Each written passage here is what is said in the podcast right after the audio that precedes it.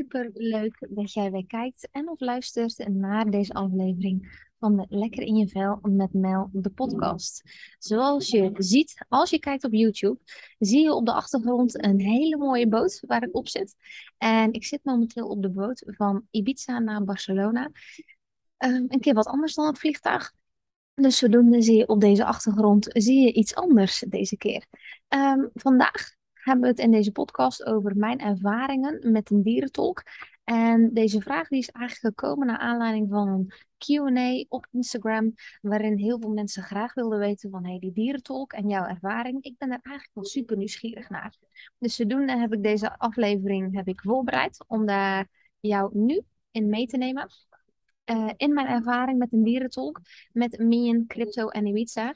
En neem ik je heel eventjes mee in een stukje dierentolk. Wat is het? Wat doet het? Het principe van hoe het werkt. Wat mijn ervaring is en wat het me heeft opgeleverd. Uh, om je wellicht daarin te kunnen helpen als jij ook een huisdier hebt of huisdieren hebt. En je zou er graag wat mee willen, dat dit wellicht ook wat voor jou is. Goed, laten we aan de slag gaan. Ik zou zeggen, pak vooral ook pen en papier erbij, zodat je altijd wat dingetjes weer kan noteren. Daar worden we altijd wijzer van. En laten we aan de slag gaan met deze aflevering. Eigenlijk wil ik beginnen met de totstandkoming van de dierentolk en hoe ik terecht ben gekomen bij een dierentolk. Uh, want Minion, Crypto en Ibiza, uh, die wonen uh, allemaal bij ons. Minion al negen jaar, Crypto al bijna drie jaar en Ibiza al bijna twee jaar. En eigenlijk tot zij bij elkaar zijn gekomen, daarvoor was er niet eigenlijk echt wat aan de hand, om het even zo te zeggen. Um, en op het moment dat crypto bij Minion kwam, moet er altijd heel even afgetast worden van hè, hoe, hoe is de dynamiek tussen die twee. En uiteindelijk is er wel een bepaalde mate van dynamiek gekomen. Alleen door, denk ik, en het verschil in karakter tussen Minion en crypto. En uh, het leeftijdsverschil tussen Minion en crypto. Want Minion is negen jaar. Crypto die was op dat moment uh, twee jaar, denk ik. Ja. Dus crypto wilde heel veel spelen, wilde vriendjes worden met Minion. Maar Minion is een Europese korthaar, 3,5 kilo. Crypto is een Maine Coon uit een hele grote lijn. Dus die uh, weegt nu momenteel rond de 12 kilo. Dus je zou je kunnen voorstellen dat op het moment dat iemand van vier keer jouw lichaamsgewicht probeert te spelen met jou. Uh, en die doet dat door op jou te springen, dat je daar wel eens van kan schrikken. En dat Oké. Laten we doorgaan. Even kijken hoe die valt. Hij viel heel eventjes uit. Het kan zijn dat je niets hebt gemerkt en dat het alleen aan mijn zijde was dat hij hem even opnieuw pakte. Het kan ook zijn dat je wel iets hebt gemerkt en dat dus de wifi hier op de boot heel eventjes uitgevallen is. Dus op het moment dat dit vaker gebeurt, dan uh, zal ik je daarin meenemen. En ik zou mijn excuses ervoor aan willen bieden, maar ik heb er momenteel even geen invloed op terug naar dat moment uh, dat ik je mee wilde nemen dat dus crypto heel graag met Minion wilde spelen en Minion eigenlijk niet zo graag met crypto. Um, en dat uh, Minion haar gedrag eigenlijk veranderde. Minion kwam altijd bij mij op schoot zitten, uh, zoals altijd heel veel bij mij in de buurt. En eigenlijk doordat crypto in ons leven is gekomen, naar aanleiding dat ik hem heb geadopteerd van mijn neef. Um, zat ze niet meer bij mij op schoot. Merkte ik dat ze andere plekjes ging zoeken om maar ja, crypto eigenlijk te ontwijken. Uh, en toen Ibiza er eigenlijk bij kwam, toen was in eerste instantie eigenlijk dat probleem opgelost. Had crypto een nieuw maatje met Ibiza. Wij hadden ook uh, op de Maincoon Facebookpagina eigenlijk deze situatie uitgelegd. Die dynamiek tussen crypto en Minion. Uh, en daarbij was eigenlijk de conclusie die werd gezegd: oh, als je er nog een nieuwe maincoon bij neemt, dan zal dit probleem opgelost zijn. En in eerste instantie dacht ik, nou, dat is nogal wat om eventjes ad hoc een nieuwe maincoon erbij uh, te nemen. Dus een raskat, die zijn niet super uh, goedkoop. En we woonden op dat moment in 60 vierkante meter in een appartementje in Breda. En het leek mij niet de meest ideale oplossing. Maar toen wij op vakantie waren in Bali, uh, december 2019, Um, en de buurman kwam altijd langs bij mij in een crypto. Had ik wel zo'n moment bereikt dat ik dacht: hé, hey, ik weet niet of dit een ideale situatie is, zowel voor Minion als voor crypto. Wellicht moeten we wel een nieuwe maincoin erbij nemen, naar aanleiding van deze ervaringen. Dus zo gezegd, zo gedaan. Nieuwe maincoin bij dezelfde fokker als waar crypto vandaan kwam, in Rusland, in Sint-Petersburg. En net voor de uh, dat de airports dichtgingen, hebben we Ibiza nog kunnen krijgen. Superleuk. Uiteindelijk was het ook die dynamiek. Uh, crypto was helemaal in love met Ibiza. Vond het helemaal fantastisch dat er een nieuwe Mekoen bij was en dus een nieuw speelmaatje. En uiteindelijk leek dat probleem dus opgelost. Maar meer in haar gedrag was nog steeds wat het was. Ze kwam niet terug bij mij op schoot zitten. Uh, was wat minder in de omgeving. En toen waren wij bij vrienden in België. En zij hadden aangegeven dat zij een keer ervaring hadden gehad dat hun hond, uh, hun eerste hond was overleden. Ze hadden daar een foto van laten drukken en die stond in de woonkamer. En dat zij er weer klaar voor waren om een nieuwe hond te nemen. Uh, dat die nieuwe hond eigenlijk niet graag in de woonkamer kwam. Of als die in de woonkamer kwam, dat hij dan eigenlijk alleen maar dingen kapot deed bijten. Via via waren zij uh, bij Gina terechtgekomen. Zij is een dierentolk. En door die sessie met uh, Gina te laten communiceren met die hond. De communicatie die gaat dan via een foto. De foto die wordt... Nee, dat proces ga ik je zo uitleggen. Ik, laat, ik geef, neem je eerst eventjes mee in de uitkomst dat naar aanleiding van die sessie met Gina en die hond, dat uh, ze erachter kwam door simpelweg te praten met die hond, dat hij dus eigenlijk jaloers was dat er dus een foto van de oude hond in de woonkamer zat. En als hij die foto zou weghalen, dat eigenlijk zijn gedragsproblematiek wegviel. Nou, zo gezegd, zo gedaan. Dat hadden die Belgische vrienden van ons gedaan. En inderdaad, het gedrag van de hond was direct veranderd, zonder andere training. En uh, waren ze weer helemaal happy peppy. Dus naar aanleiding eigenlijk van die, ja, mond-tot-mond reclame review, hadden wij zoiets van: hey, wij zijn eigenlijk wel heel nieuwsgierig dat als wij onze drie katten, Mien, Crypto en Ibiza, gaan laten praten met de dierentolk Gina, wat daaruit komt, of er iets is wat wij kunnen veranderen aan, aan speeltjes, aan ruimte, aan, aan voeding. Iets waardoor wij in ieder geval ervoor kunnen zorgen dat en Minion weer meer op haar gemak is en dat de dynamiek eigenlijk tussen die drie ook beter gaat. Voor ik je meeneem in ons proces daarin, uh, kan het goed zijn dat je denkt van, hé, hoe werkt dat nou, zo'n dierentolk? Waar is die nu eigenlijk goed voor?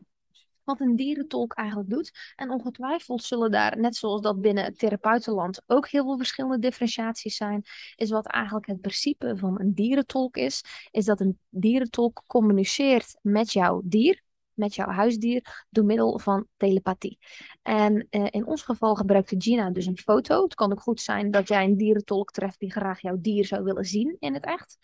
Uh, en eigenlijk door dus telepathische communicatie te kunnen hebben met je huisdier, um, ja, was eigenlijk dus in, kan je dus in gesprek komen met je huisdier. Om te kijken van, hey, zijn daar zaken die we kunnen veranderen? Zijn ze tevreden, ja of nee? Zijn daar uh, dingen die we aan kunnen pakken om zo ervoor te zorgen dat niet alleen wij blij zijn, maar dat ook de dieren waar je mee samenwoont, dat die ook blij zijn. Dus dat is heel even kort door de bocht het idee van een dierentolk. In ieder geval in hoeverre ik met mijn expertise de ervaring mee heb gehad en ook hoe het mij altijd uh, verteld is. Je kan dus naar een dierentolk om dus ervoor te zorgen dat je kan communiceren met je huisdier. Maar je kan dus ook naar een dierentolk op het moment dat er een bepaald gedragsproblematiek is. Um, kan je dus ook naar een dierentolk toe gaan om daar dus mee te communiceren. Om te kijken van wat is daar nu eigenlijk aan de hand. Kan natuurlijk uiteindelijk ook met een trainer, een hondentrainer bijvoorbeeld of een kattentrainer. Alleen zij zullen meer sturen op bepaalde technieken om bepaalde consistentie uit te voeren. En de dierentolk die zal echt communiceren met je hond of met je kat of een ander dier, met je paard. Um, om te kijken van, hé, hey, wat heeft, die, heeft dat huisdier mij nu eigenlijk echt te vertellen? En die aanpak die sprak me wel aan. Dus zodoende dat wij onze sessie ook tot stand hadden gebracht. Deze sessie is denk ik nu anderhalf jaar geleden, de eerste sessie. En uh, het was eigenlijk een hele interessante sessie, want je hebt altijd wel een beetje een idee hoe je eigen dier in elkaar zit, aan karakter bijvoorbeeld. Alleen wat nu heel tof was, was doordat zij dus daadwerkelijk kon communiceren met onze dieren, uh, dat, dat, dat er ook een stukje bevestiging in hetgene wat je zelf waarneemt, ook daadwerkelijk daar is. Ehm, hoe die sessie eigenlijk was, die was dus telefonisch. En tijdens die sessie ehm, had ik een paar specifieke vragen over hoe het met ze ging. En of dat ze blij waren met z'n drieën. En of dat ze blij waren met hoe het thuis was. En of dat we daar nog iets in konden veranderen. Ik vind het altijd belangrijk dat er ruimte mag zijn voor verbetering, maar dat in de basis het in ieder geval goed met ze gaat. Nou, er kwamen dus hele leuke dingen uit. Uh, bijvoorbeeld dat crypto uh, geen crypto wilde heten, maar meneer crypto was. Een echt mannetje, uh, een dominant mannetje die graag niet wilde beperkt worden in zijn vrijheid. En dat hij het heel leuk vond om te spelen, heel leuk vond om aandacht te krijgen. Nou ja, dat laatste, dat wist ik dus eigenlijk al, want dat hadden we zelf ook wel al ervaren. Um, en dat uh, Ibiza bijvoorbeeld, dat we daar nog wat rustiger aan mee moesten doen. Die moest nog heel erg wennen aan harde geluiden. Ze schrok daar ook heel erg van. En dat Minion eigenlijk daarin een oude ziel is, die het heel lekker vindt om op zichzelf te zijn. Um, en dat heel even kort in de karakters. Wat tof was, is dat eigenlijk een paar dagen voordat de sessie plaats zou vinden, dus gewoon een sessie via de telefoon, is dat ik dat opeens Minion weer bij mij terug op schoot kwam zitten. En dat ik een verandering zag in de dynamiek tussen Minion, Crypto en Ibiza. En dat ik eigenlijk dacht van, oh, dat is ook wel typisch. We hebben over drie dagen die sessie met uh, Gina. En uh, nu gaat Minion opeens weer op schoot zitten. Nou, en wat bleek? Is dat Minion uh, met Crypto en Ibiza, dus eigenlijk al die sessie, dat ze al hadden gecommuniceerd met z'n vieren. Uh, op dat moment dat ik dus waarnam dat er een verandering was in de dynamiek van de groep en dus ook in het gedrag van Minion. Ik had expres niet aan Gina gevraagd van, hey, heb jij drie dagen eerder al gecommuniceerd met Minion? Ik had daarna gewoon heel neutraal gevraagd van, goh, heb jij, ben jij nu in communicatie met hun? Of wanneer heb jij al met hun gecommuniceerd? Om zo, als we het hebben over de bias die je wellicht zou kunnen hebben, uh, om die weg te kunnen nemen. En dat was dus super tof om dus te mogen zien dat wanneer zij met hun had gesproken, uh, dat mijn waarneming van de dynamiek en het gedrag van Minion, dat die dus ook op dat moment eigenlijk al veranderd was. Dus dat was echt super tof om, om te mogen ervaren en om te mogen zien. Um, hoe dat dus eigenlijk tot stand kwam. Dus eigenlijk vanaf dat moment um, was eigenlijk het probleem, in hoeverre het een probleem is, dat dat dus weer opgelost was. Nou, en leuke complimenten voor mij en Marvin als eigenaren van Minion, Crypto en Ibiza. Uh, of dat, uh, uh, dat zij de eigenaren zijn en dat wij onderdanig zijn, want dat is hoe dat werkt hè, in de kattenwereld. Is dat ze het heel erg naar hun zin hadden dat ze ook blij waren met elkaar. En dat Minion het heel erg fijn vindt om gewoon af en toe wat tijd te hebben met mij alleen. En dat het belangrijk was om met crypto en Ibiza wat meer te spelen. Omdat zij een andere type energielevel hebben. Ook wat te variëren in speeltjes bijvoorbeeld. En dat eigenlijk in zijn algemeenheid een heel positief gesprek was. Uh, dat ze heel tevreden waren. En dat eigenlijk naar aanleiding van het feit dat zij al simpelweg werden gehoord dat zij werden gezien, dat er naar hun werd geluisterd, ze eigenlijk al heel blij waren, heel tevreden waren en dat vanuit daar die dynamiek eigenlijk kan veranderen. Dus dat was eigenlijk een, hele een heel mooi cadeautje voor ons om te krijgen. Vervolgens hebben wij, uh, wij wonen nu in Ibiza een jaar. Denk drie maanden dus ongeveer deze periode hebben wij weer een sessie gehad met Gina naar aanleiding van de vlucht. Hoe gaat het met ze? Zijn ze al gewend in Ibiza? Hebben we dus een nieuwe sessie ingepland.